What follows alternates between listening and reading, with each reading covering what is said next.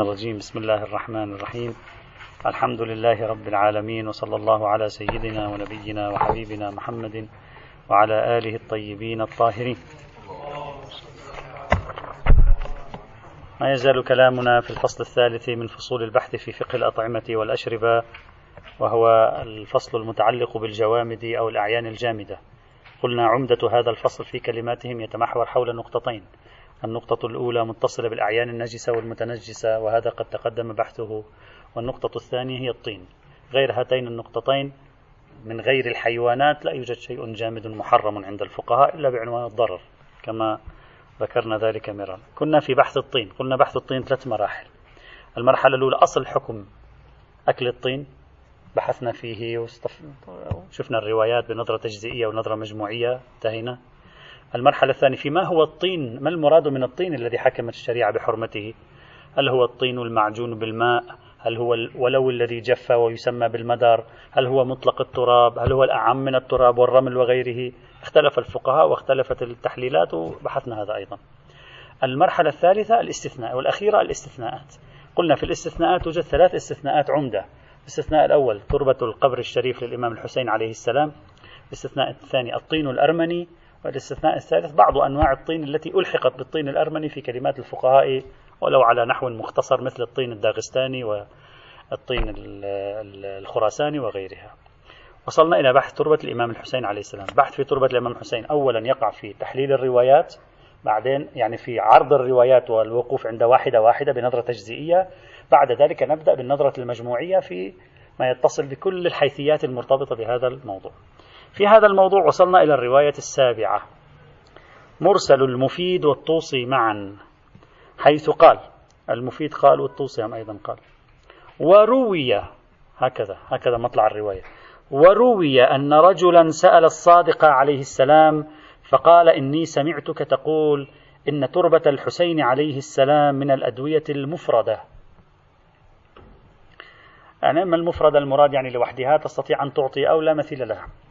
وإنها لا تمر بداء إلا هضمته.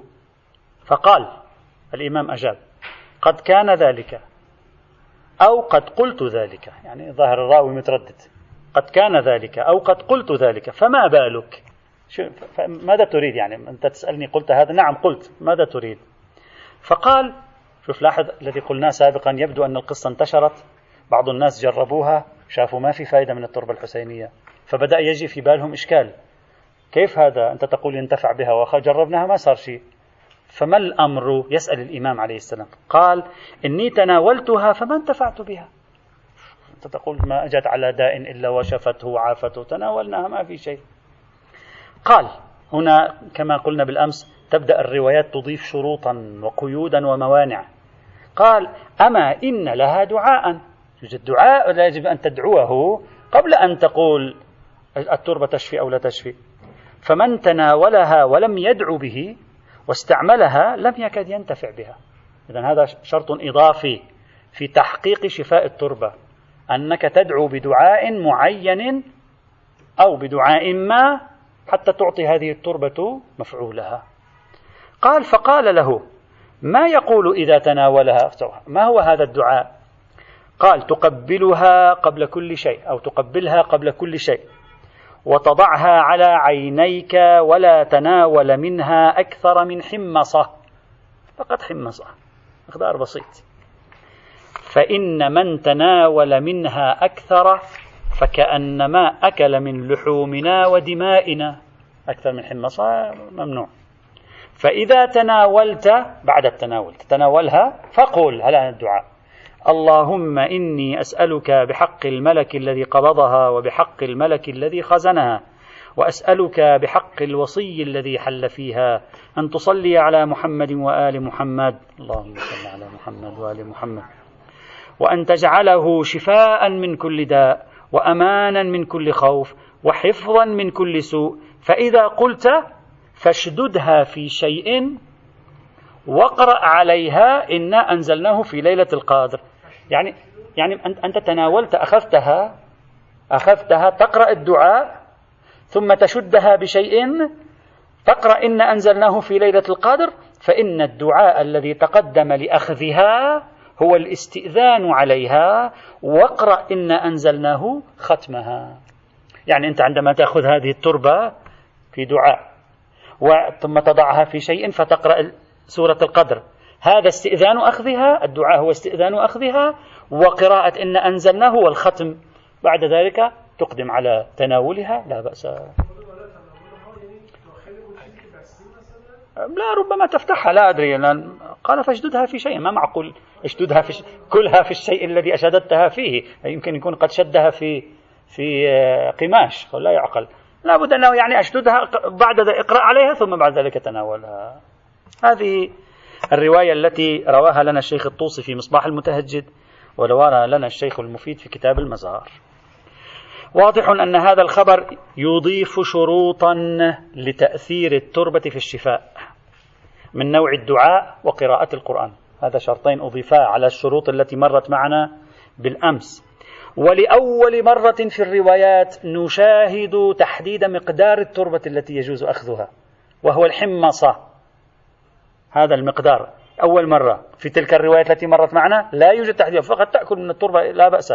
لكن لا يوجد تحديد للمقدار. الآن هنا واضح أن التحديد بنحو بشرط لا من حيث الزيادة لأن يقول له إذا تأخذ أكثر من ذلك فكأنك أكلت لحومنا. إذا هذا معناه أن هذا المقدار بشرط لا من حيث الزيادة يعني ممنوع أن تزيد عنها. وهذا واضح في التحديد الإلزامي كما هو. واضح وفي الضمن أيضا يفهم أن تناول طين قبر الإمام الحسين عليه السلام جائز في حال الاستشفاء لا نتكلم عن حال الاستشفاء انتفعت بها ولم أنتفع بها وبمقدار محدد وأعمال محددة إذا تحصل ذلك يكون هناك تأثير.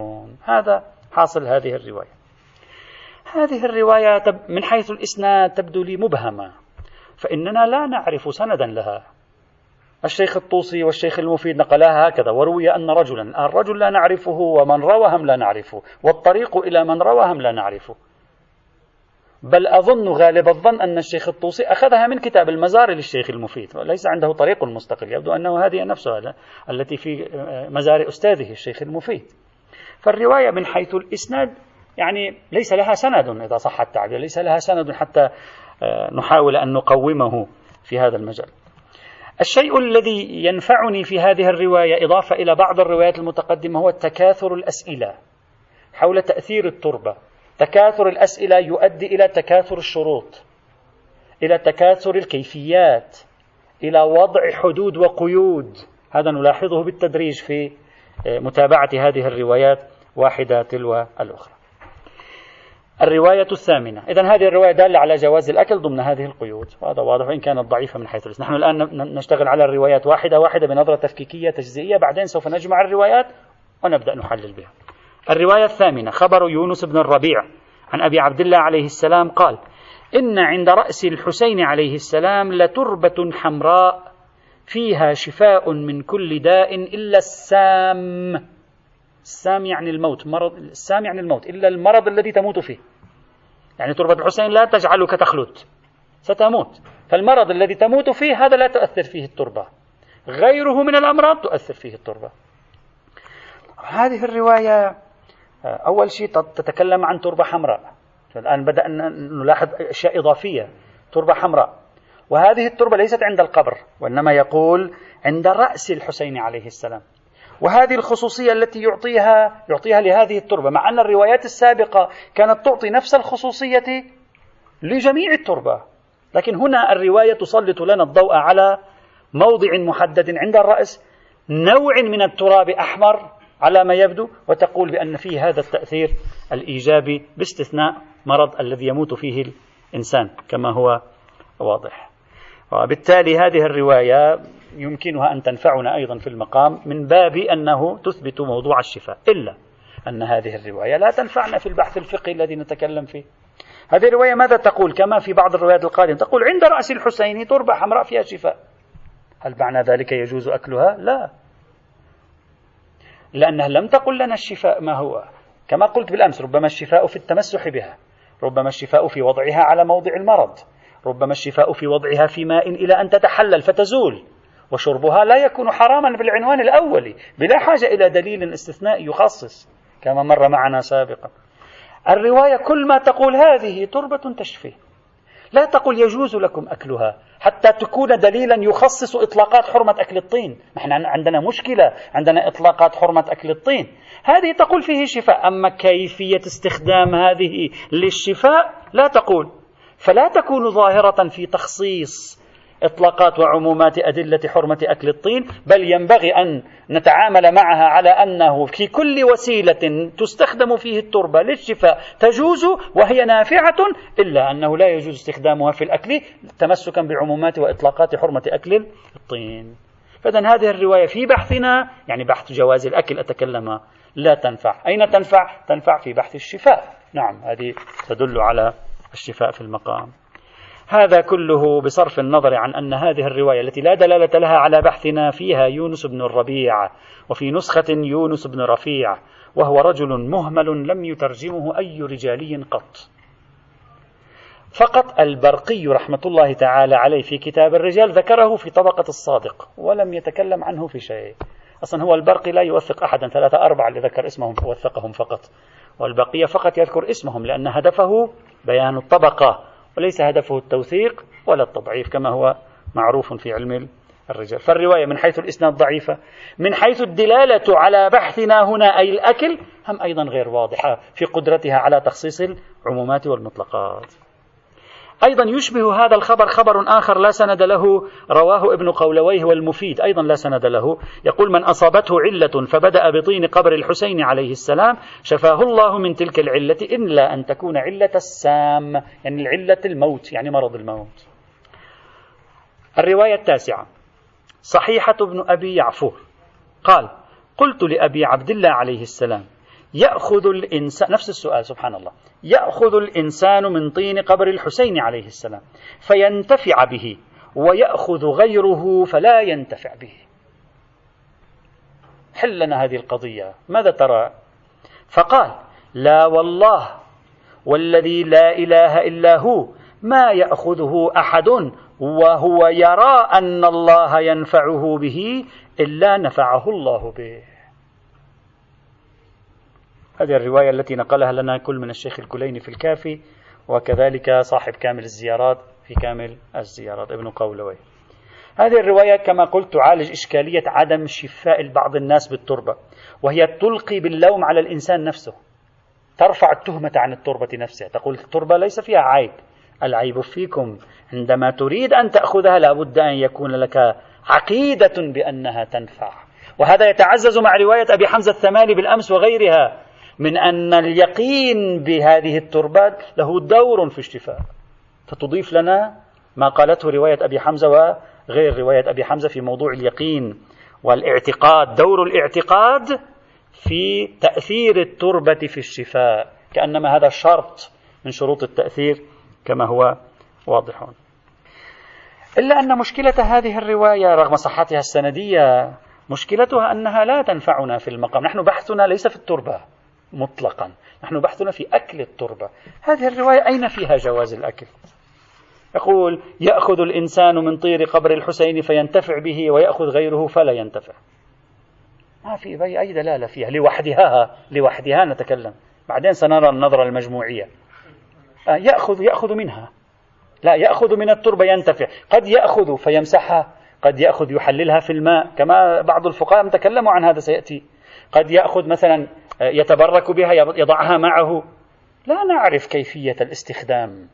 يأخذها فينتفع بها. لا يأخذها فلا ينتفع بها. أما نوع هذا الانتفاع غير واضح. ف... نعم الحل بالماء نقبل. الحل بالماء ليس تخصيصا لدليل حرمة أكل الطين. هذا الذي يهمنا. فلا يكون في الرواية وضوح في القدرة على تخصيص عمومات ومطلقات حرمة أكل الطين. نعم يجوز تناولها من حيث المبدأ وتشفي أما هل تناولها مباشرة يجوز وبالتالي يخرق حرمة أكل الطين أو لا بواسطة خلطها بالماء أو بأي وسيلة أخرى؟ هذا يبدو مسكوتا عنه. فالرواية الصحيحة هذه وهي أول رواية صحيحة معنا تمر. إلى الآن. الرواية الصحيحة هذه ليس فيها وضوح وطاقة تخصيص عمومات ومطلقات روايات أكل الطين في مثل هذا الحال. أشير هنا إلى أن هذه الرواية لعلها هي الرواية الوحيدة الصحيحة عند الشيخ آصف محسن رحمه الله. شيخ آصف محسن في كتاب معجم الأحاديث المعتبرة ثمان مجلدات الذي طبعته جامعة الأديان والمذاهب. هناك يفرد بابا للاستشفاء بالتربة الحسينية الشريفة. ولا يضع إلا هذه الرواية. ويفهم من الإطلاق المقامي إذا صح التعبير من سياقه المقامي أنه لا يرى رواية أخرى لأن لا يدرج أي رواية أخرى في أي باب من الأبواب الأخرى. وهذا معناه أن الرواية الوحيدة الثابتة من حيث الإسناد والتدقيق الرجالي عنده ليست إلا هذه الرواية حينئذ. الرواية العاشرة خبر زيد الشحام. قال كنت في جماعة من عصابتنا بحضرة سيدنا الصادق عليه السلام. فأقبل علينا أبو عبد الله عليه السلام فقال إن الله تعالى جعل تربة جدي الحسين شفاء من كل داء وأمانا من كل خوف. هذه الجملة تتكرر كما لاحظنا. فإذا تناولها أحدكم فليقبلها وليضعها على عينيه وليمرها على سائر جسده يقبلها ويضعها ويمرها على سائر الجسد وليقل اللهم بحق هذه التربة. شوف لم يقل يأكلها. الشفاء يكون بالإمرار على الجسد. فليقل اللهم بحق هذه التربة وبحق من حل بها وثوى فيها وبحق أبيه وأمه وأخيه والأئمة من ولده وبحق الملائكة الحافين به إلا جعلتها شفاء من كل داء وبرءا من كل مرض ونجاة من كل آفة وحرزا مما أخاف وأحذر ثم يستعملها. قال أبو أسامة من هو أبو أسامة؟ هو زيد الشحام أبو أسامة. هو نفسه صاحب الرواية. قال أبو أسامة فإني أستعملها من دهري الأطول يعني منذ مدة زمنية طويلة كما قال ووصف أبو عبد الله فما رأيت بحمد الله مكروها.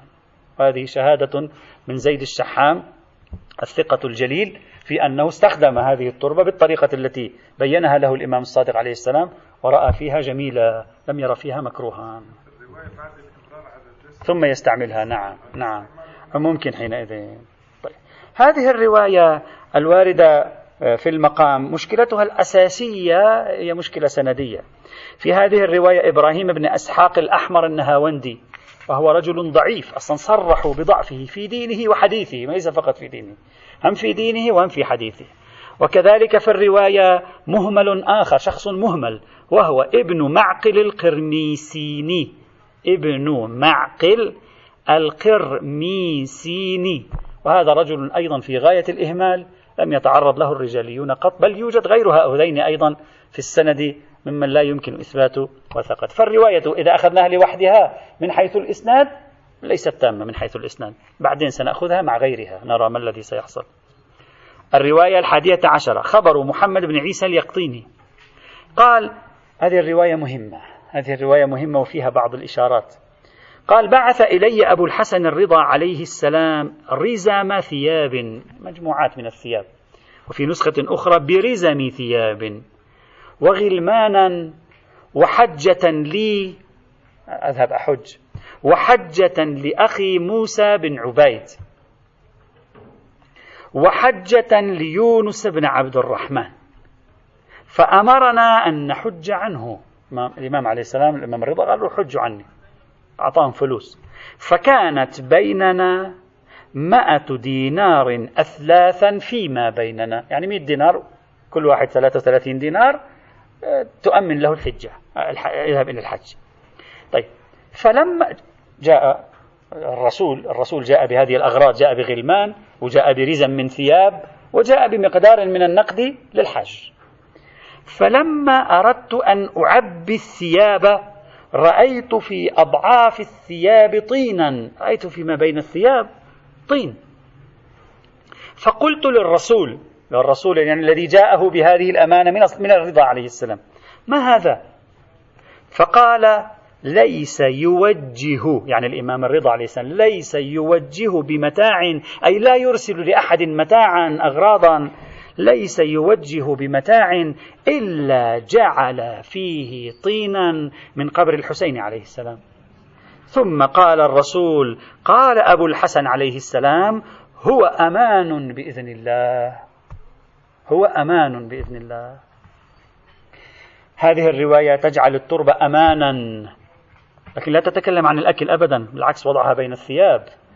ولا تتكلم عن موضوع الشفاء تتكلم عن الوضع بين الثياب أنت تضعها معك فهي أمان لأنهم سيذهبون إلى الحج هؤلاء سيذهبون إلى الحج. فخلوها معكم حتى إذا ذهبتم للحج فإنها أمان إن شاء الله تعالى. فليس لها دلالة مباشرة في موضوع الطين لها دلالة مباشرة في الاستخدام التبركي للتربة الشريفة وتحصيل الأمن والأمان من خلالها.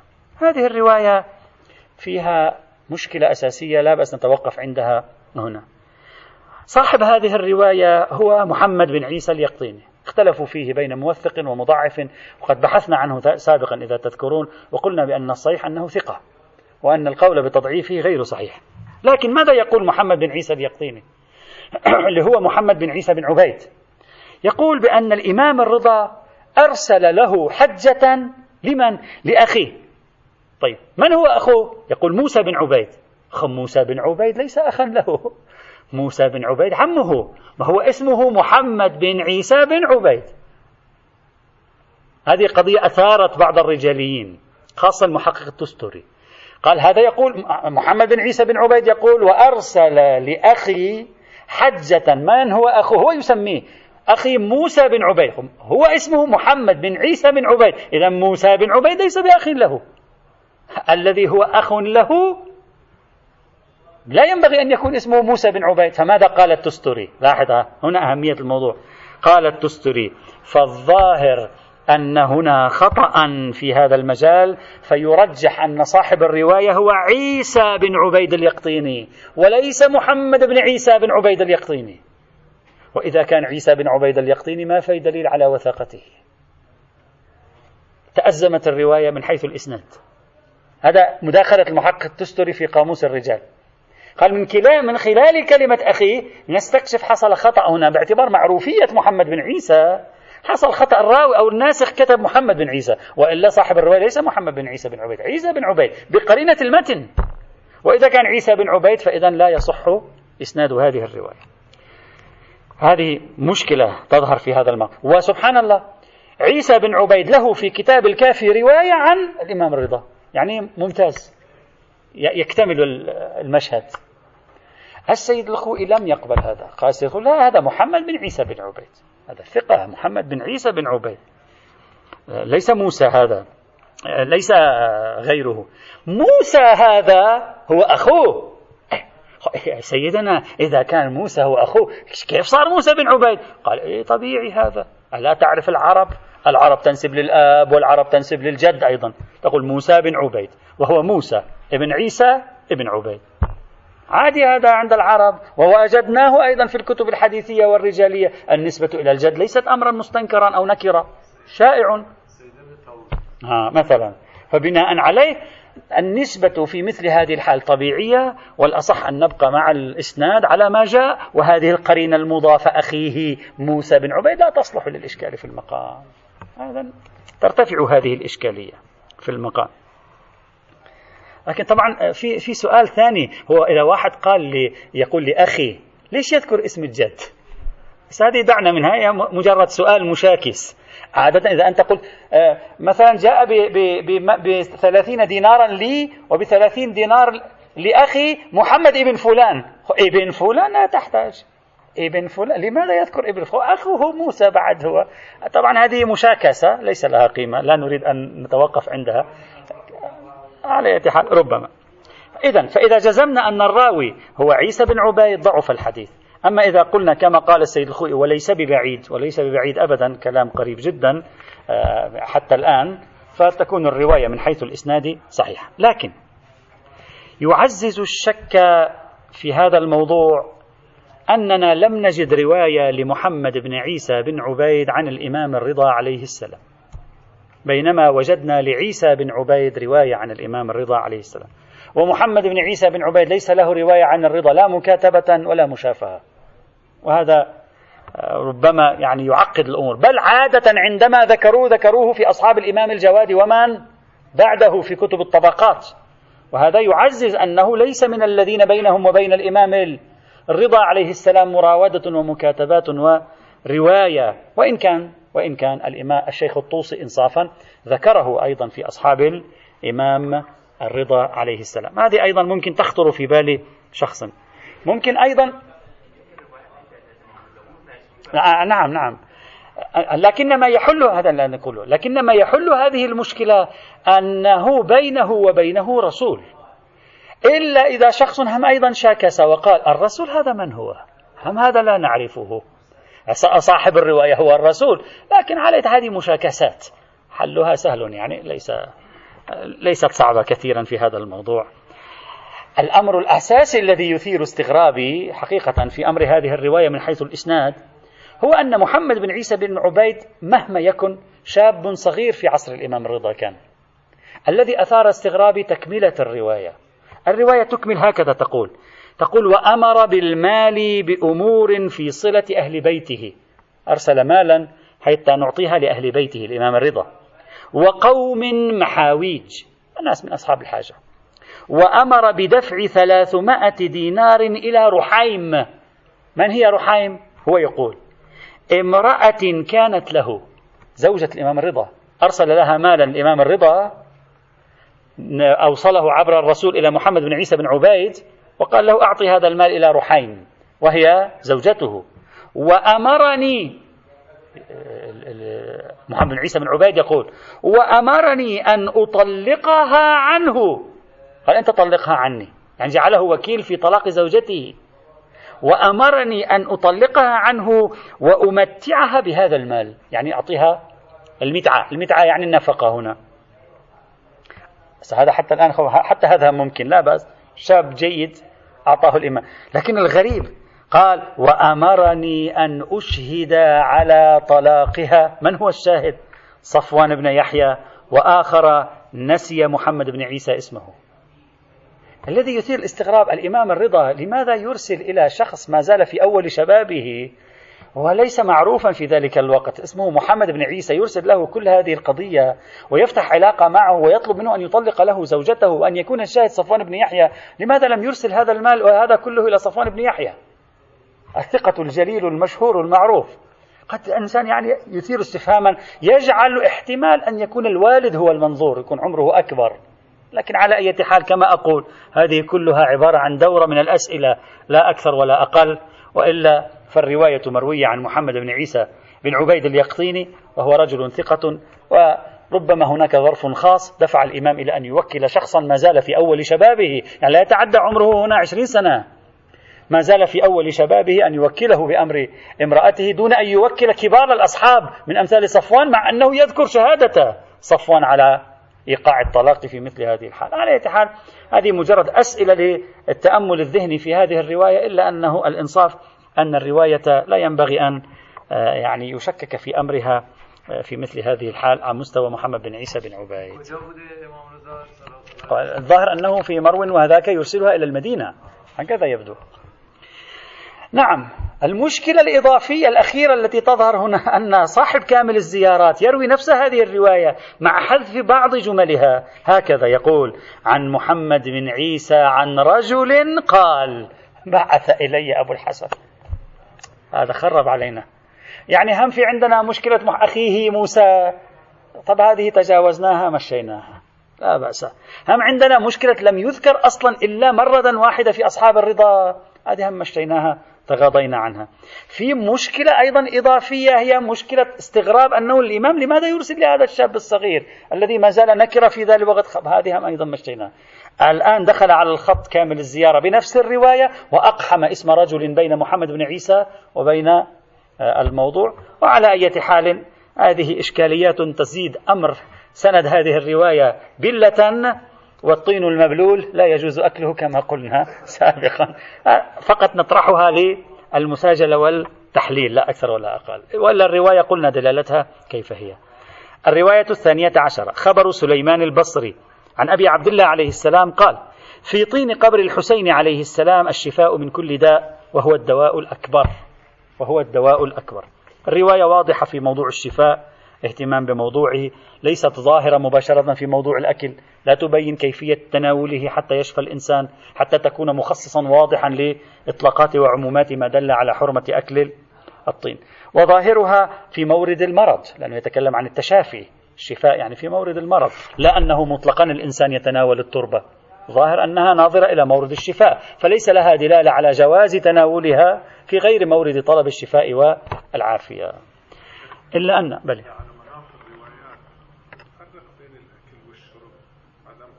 آه، لأنه يستهلك على معيار الاستهلاك. نعم. نعم هو فقط بهذا المعيار فقط. هو نفسه. نعم نعم لا يوجد تفريق بينهما فقط خصوصية الاستهلاك هي المأخوذ بحيث لا يصدق عليه أنه يأكل طينا العرف. يعني لا يصدق عليه أنه فلان أكل طين وإلا نحن كل يوم نأكل طين بناء عليه لأن لا بد من وجود ذرات ترابية في الماء.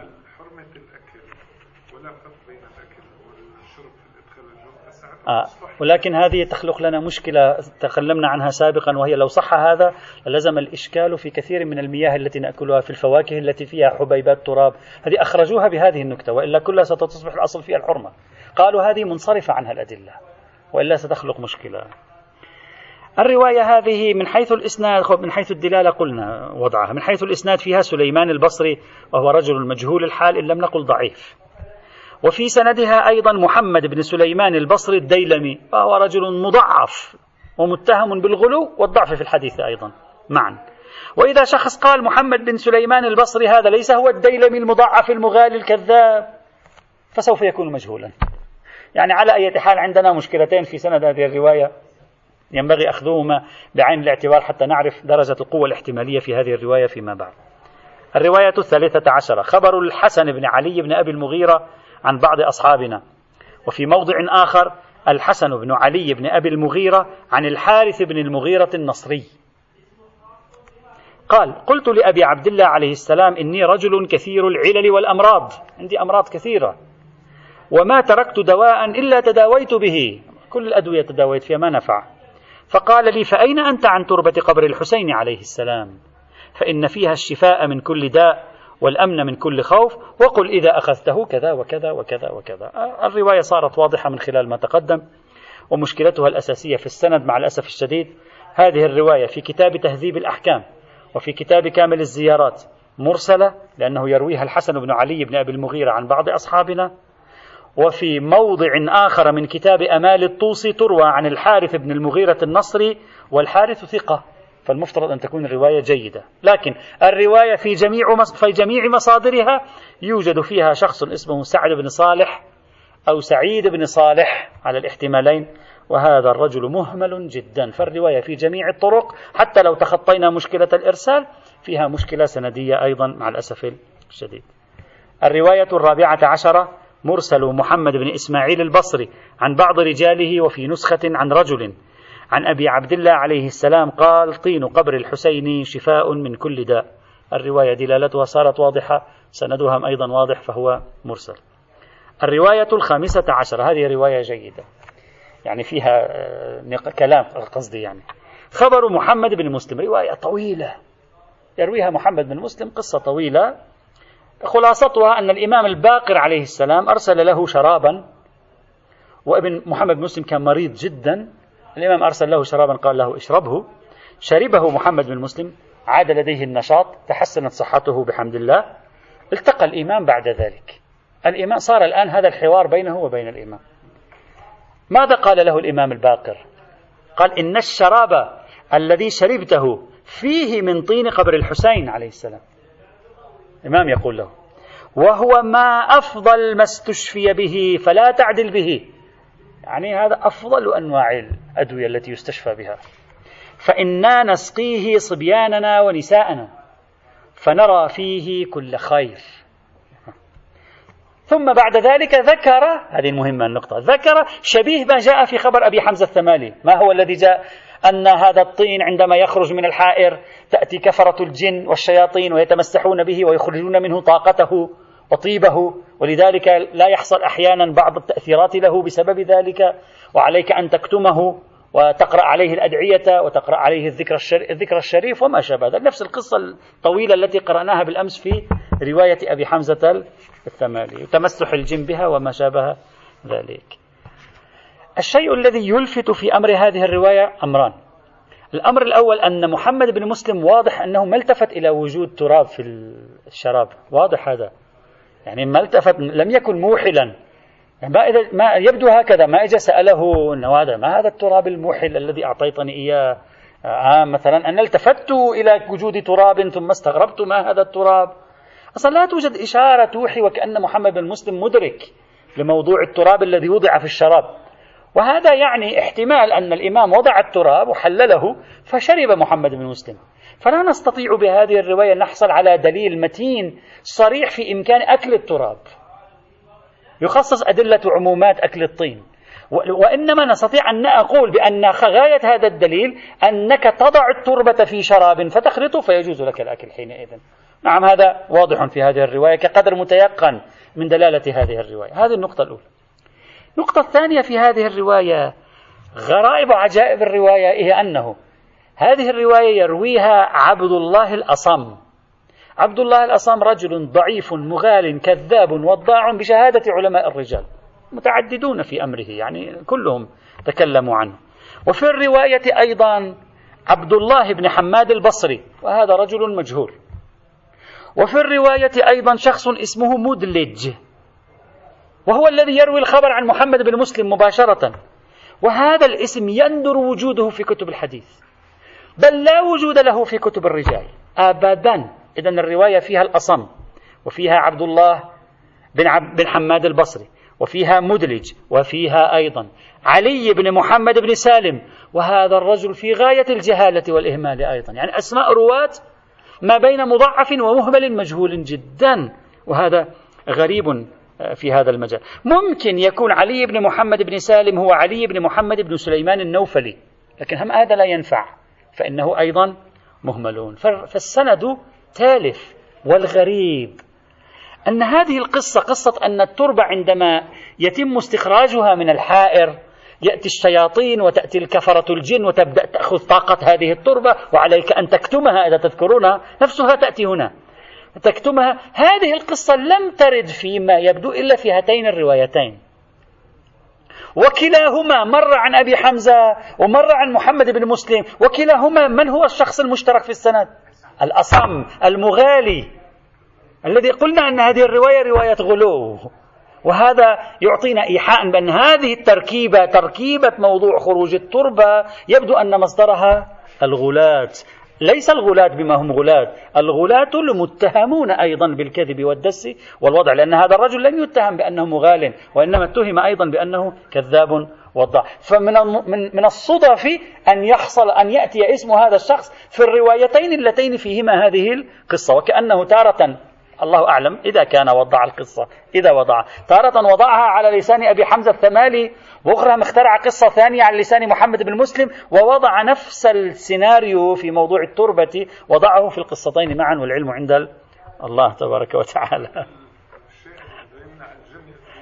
آه نعم ثم قال يكتمها. وهذه يعني الجن يدخلون في. هذه غريبة. دخول هذا الشخص في هذين الإسنادين مع مع ضعف هذين الإسنادين جدا كما رأينا هناك وهنا. يعني الإسنادان ضعيفان بأكثر من رجل آه، كما رأينا متهالكان كما يقال. الرواية السادسة عشرة خبر علي بن فضال عن بعض أصحابنا.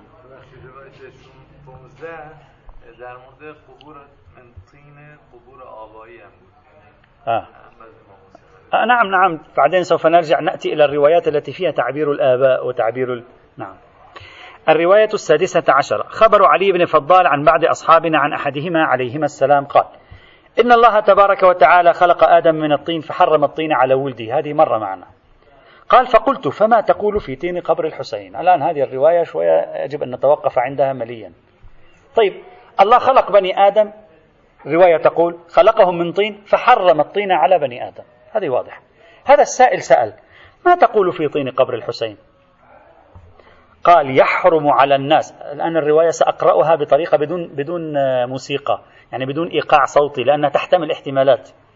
يحرم على الناس أكل لحومهم ويحل لهم أكل لحومنا ولكن الشيء اليسير منه مثل الحمصة هذه الرواية. الآن سنرى ماذا ماذا تعني هذه الرواية؟ تركيبتها ماذا يراد منك؟ اختلفوا في كيف نقرأها أصلا؟ حتى نفهم المراد من هذه الرواية. هذه الرواية أولا تتعامل مع الموضوع بطريقة مختلفة عن الروايات التي مرت معنا سابقا. طريقة جديدة مختلفة. تندد بأكل تربة الإمام الحسين عليه السلام. تقول هذا مرفوض هذا أكل لحومنا. تندد وكأن أكل التربة شيء من أكل جثثهم سلام الله تعالى عليهم. لكن الحديث بهذه التركيبة يحتمل احتمالين. الآن سأقرأه بطريقتين. أثارهما في الحقيقة أول من أثار هذين الاحتمالين هو الفيض الكاشاني في كتاب الوافي. رحمه الله. رحم الله يعني الفيض الكاشاني مثل مش الوافي. رحمه الله. احتمال الأول أن تكون هذه الجملة خبرية. هكذا. ويراد منها الإنشاء. فيكون معناها هكذا. لا يجوز للناس أكل لحومهم لحوم أهل البيت ولا لحومهم لحوم الناس ولكن يجوز لهم أكل لحومنا بمقدار الحمصة هكذا تكون خلاصة تركيبة الجملة. نعم نعم. لا يجوز للناس أكل لحومهم. الناس لا يجوز لها أن تأكل لحومها. ولكنه يجوز لهم أن يأكلوا لحومنا بمقدار الحمصة هذا الاحتمال الأول الذي يطرح في المقام. طبعا هذا الاحتمال في غاية الغرابة. تركيب غرابته أين؟ واضح لا يحتاج إلى تبرير. إذ أنه عندما إذ إنه عندما يقول لكن يجوز لهم أكل لحومنا نفس هذا التعبير تعبير تقريع هذا. حسن هذا التصوير الخيالي للقضية التصوير المشهدي تصوير يساعد على الرفض. يعني تصور أن أهل البيت يجوز لكم أن تأكلوا من لحومنا. أصلا هذا بعيد جدا طبيعة ربط الأكل بلحم إنسان آخر هي طبيعة رفض وتنديد. القرآن الكريم صور الغيبة على أنها أكل لحم الأخ. فلا يعقل أن يكون المراد من هذه الرواية. أنتم لا يجوز لكم تأكلوا من لحومكم لكن من لحومنا لا بأس تعالوا كلوا من لحمنا. شوية الرواية؟ ستبدو غريبة. حين لكن إذا أكلتم من لحمنا لا تأكل كثير. شوية يأكل خفيف؟ يبدو هذا الاحتمال مرجوحا في أن الإمام يرخص تعالوا كلوا من لحوم أهل بيت رسول الله. غريب هذا يعني. بالعكس هذا يساعد على التنديد. لا تأكلوا من لحوم أهل البيت عليهم إذا هذا الاحتمال واضح ضعفه وضعفوه. الاحتمال الثاني أن تكون الجملة استفهامية للإنكار. يعني هكذا يكون معنى هكذا. يحرم على الناس أكل لحومهم. الآن جملة استفهامية استنكارية. يحرم على الناس أكل لحومهم ويحل لهم أكل لحومنا. فتكون جملة استنكارية. فماذا تفيد؟ حرمة أكل التربة حينئذ. بالعكس تعطي. حرمة لا. يحل لهم أكل لحومنا ولكن الشيء اليسير منه. هذا الاحتمال الثاني. الآن سنقول الآن سنرى ماذا يحتمل في الذيل بناء على التقدير الثاني. الآن سنرى. إذا حتى الآن التركيبة هكذا. يحرم على الناس أكل لحومهم ويحل لهم أكل لحومنا. إذا ماذا نستفيد منها؟ حرمة أكل التربة. طيب. بناء على هذا الاحتمال الثاني يأتي احتمالان في تفسير الذيل. ما معنى ولكن الشيء اليسير منه؟ ماذا سيصبح المعنى حينئذ؟ ها سيصبح المعنى في احتمالين. الاحتمال الأول إنه تكملة للاستنكار؟ يعني هكذا أفيحل لكم أن تأكلوا؟ عفوا أيحرم لكم أن تأكلوا لحوم بعضكم ولكن يجوز لكم أن تأكلوا لحومنا بمقدار الحمصة؟ ستكون هذه الرواية حينئذ دالة على حرمة أكل التربة. وستعارض كل الروايات الموجودة في الباب التي تدل على جواز أكل التربة. هكذا سيصبح. يلا نحن فقط للاحتمال الثاني. نعم نعم. الآن سنطرح الاحتمالين الذي طرح في المقام. على هذا الاحتمال ستصبح الرواية معارضة لسائر روايات الباب. ولا تنسجم حينئذ. طيب خلينا نروح إلى الاحتمال الثاني. سنرى الاحتمال الثاني. هم أيضا سيورطنا في مشكلة أو لا. الاحتمال الثاني أن تكون ولكن يعني الذيل استدراك من الاستنكار. يعني يحل لكم أن تأكلوا آه عفوا يحرم عليكم أن تأكلوا من لحومكم ويحل لكم أن تأكلوا من لحومنا. لا والله. نعم. نعم. أن تأكلوا بمقدار الحمصة لا بأس. هذا التفسير. إذا الاحتمال الثاني في تفسير الجملة الأولى مع الاحتمال الثاني في تفسير الذيل نضمهما إلى بعضهما يصبح التركيب هكذا حرمة الأكل من تربة القبر الشريف إلا مقدار الحمصة فيجوز حينئذ. وهذا هو المطلوب الذي تسانده سائر الروايات الموجودة في المقام. لكن الآن يجب علينا أن ندخل إلى طبعا هذا هو الراجح الحق والإنصاف في تركيبة الجملة هذا هو الراجح. الجملة استنكارية الأولى والثانية استدراكية. تفضل.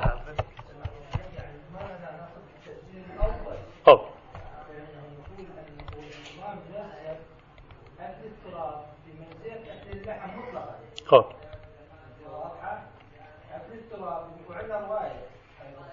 بلى.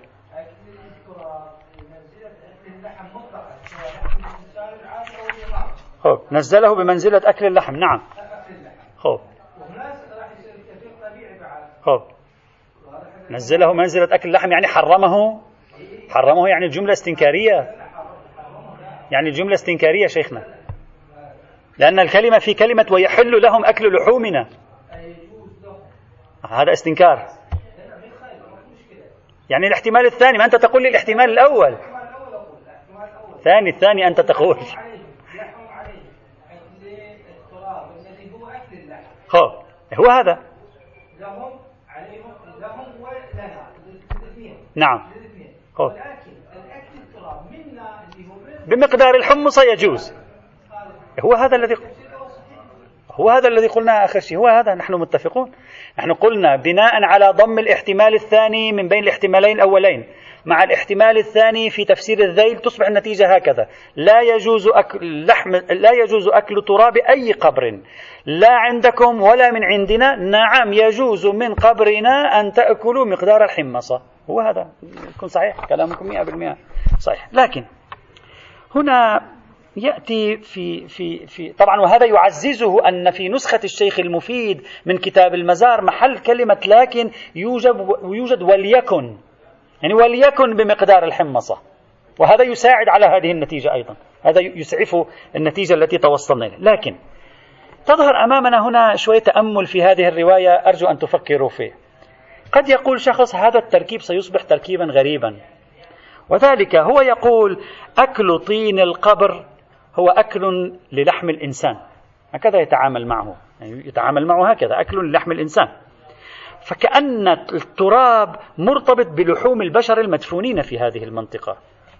هكذا يعني ولو تنزيلا لكن هذا معناه أنه يتعامل معه على أن هذا التراب مرتبط بلحوم البشر. فإذا أكلت منه كأنما أكلت من لحوم البشر المدفونين في هذا التراب. جميل.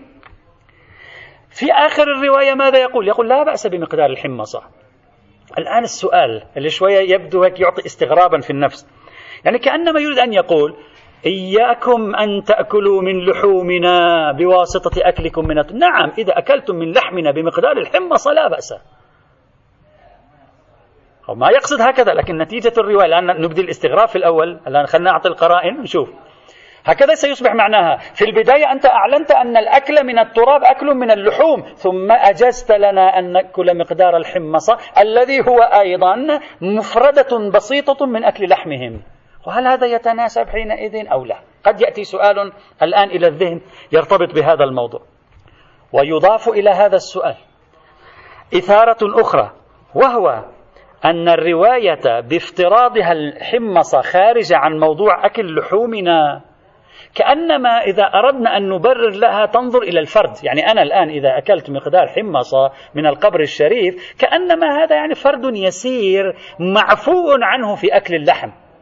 خب ولكن نحن إذا نظرنا إلى أمة الشيعة وأمة المحبين لأهل البيت من الشيعة وغير الشيعة من الإمامية وغير الإمامية. إذا نظرنا إلى هذه الأمة التي كل يوم تريد أن تأخذ كل واحد حبة حمصة على مر القرون والأزمان. ما هو, تع... ما هو فهمك حينئذ للأكل؟ سيأكلون الجسد كاملا. يعني هذا التبسيط بمقدار الحمصة أو الحمصة هذا التبسيط سوف لا يصبح له معنى لأن عمليا أنت ستقول للشيعة بإمكانكم أن تأكلوا لحومنا. فيزداد الأمر غرابة بعض الشيء. في كيف استنكر موصفا الأكل بأنه أكل لحوم ثم أجاز المقدار البسيط الذي إذا لاحظناه في الفرد فقد يغتفر رغم أنه قد لا يغتفر. أما إذا لاحظناه في الجماعة فسوف يساوي أكل اللحوم. فكيف تركبت الرواية حينئذ؟ قد يثار هذا السؤال. بل أكثر من ذلك قد يأتي إلى الذهن شيء في هذا الموضوع. نحن عندنا روايات عديدة وبعض هذه الروايات مما هو صحيح السند عند كثيرين. الآن لا نريد نبحث في سنده لكن عند كثيرين ما هو صحيح السند. تدل أن الأنبياء والأئمة والأوصياء ترفع أجسادهم إلى السماء ولا تتحلل أجسادهم أصلا. وهذا موجود. فما معنى أن يتكلمون على أن الأكل من الطين أكل من لحومهم؟ ما المقصوده من اللحوم؟ تصبح القضية غامضة. يعني المعنى الأولي أن هذا الجسد يتحلل فكأنك تأكل من التراب الذي هو ما آل إليه تحلل الجسد فنفهم كلمة اللحوم. أما مع وجود روايات بعضها صحيح الإسناد عندهم في أنه إما يرفع الجسد إلى السماء أو أنه أصلا لا يتحلل. أصلا خارج عن إطار أن يكون له علاقة بالتراب ليس سوى ظرف. هو لا علاقة له.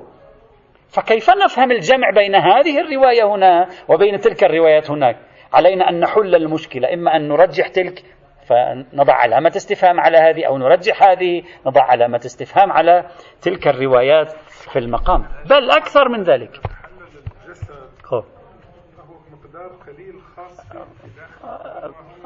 نعم وأكثر من ذلك. الآن سنتكلم بعد أكثر. بل أكثر من ذلك أزيدك استغرابا. يعني عندنا صار أجزاء لتكوين هذا الاستغراب في تركيبة هذه الرواية. أكثر من ذلك. تشبيه لا واقعية. تشبيه ماذا؟ لا يشبه. يقول يجوز لا يحرم للناس أكل اللحوم ويجوز أكل ما, ما هو التشبيه؟ وجه الشبه ما هو؟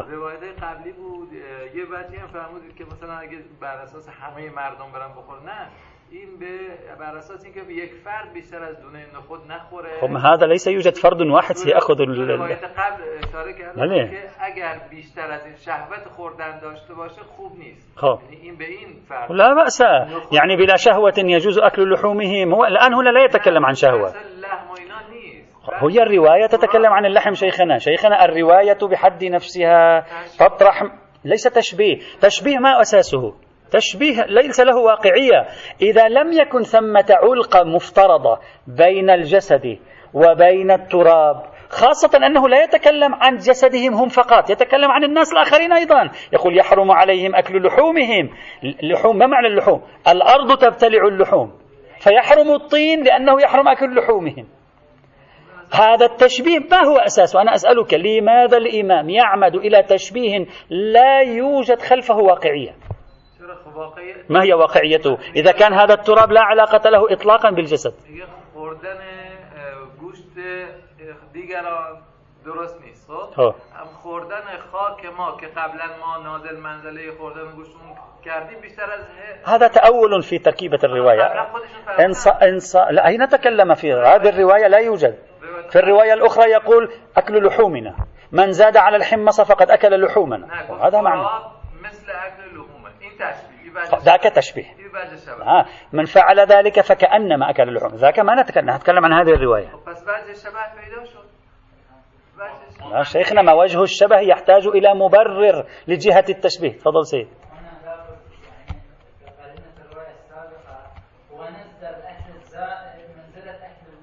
ليس لأن اللحم متحلل.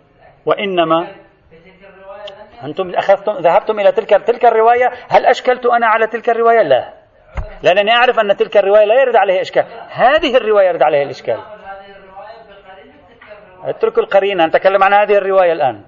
أما قرينة تلك الرواية أصلا لا تنسجم قرينة تلك الرواية هنا. شيخنا سيدنا اسمح لي. الرواية تقوم بمقام الاحتجاج تحتج عليهم تقول أنتم يحرم عليكم أكل لحومنا. لحومكم ويجوز لكم أكل لحومنا؟ هذا ليس تشبيه هذا واقعية. لو لو كان اللسان لسان تنزيل تعبد اعتباري. نعم. أما هذا الاحتجاج ما, ما, ما اتفقنا على أن الصيغة صيغة استنكارية سيد. استنكارية يعني الإمام يقول لو أنتم يحرم عليكم أكل لحومكم يجوز لكم لحومنا.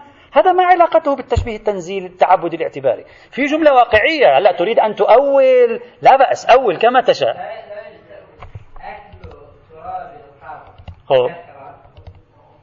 هو بمنزلة أكل آه أنت رجعت تقول بمنزلة أكل لا بالعكس المخاطب يتصور أن هذا التراب لأنه دفن في هذا الشخص فهذا التراب فيه هذا الشخص هذا اترك الآن تحليلنا نعم لا جزاء أنت قبل أن تسمع هذه الإشكالات التي جئتك بها الآن ماذا كان في ذهنك هذا هذا كان أن تحلل الجسد لا يجوز لنا أن نأكل هذا القبر. هذا القبر هو تعبير عن جسد الحسين عليه السلام. لا بأس هلا أنتم خذوا الافتراض الذي تريدون؟ لا بأس.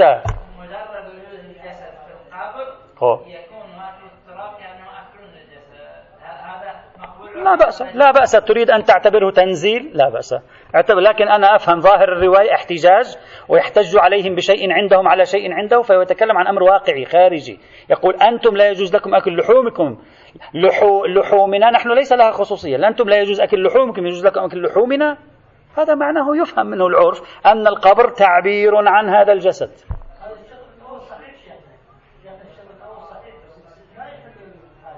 هو أنا أشكل على الاستثناء. أنت تريد أن تدافع عن الاستثناء بواسطة هو هذا إشكاليتنا فيه.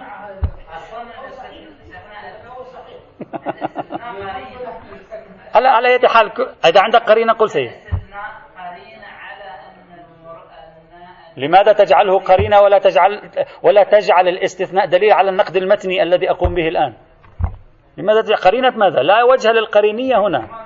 لا, لا ليس الاستثناء قرينة على المراد بالمجازية هناك. الاستثناء حكم ليس قرينة.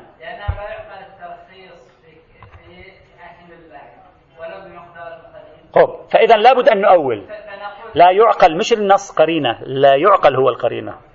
هذا إذا أنت تؤول لا يعقل هي القرينة فأولنا النص. لا أن الذيل هو القرينة على الصدر.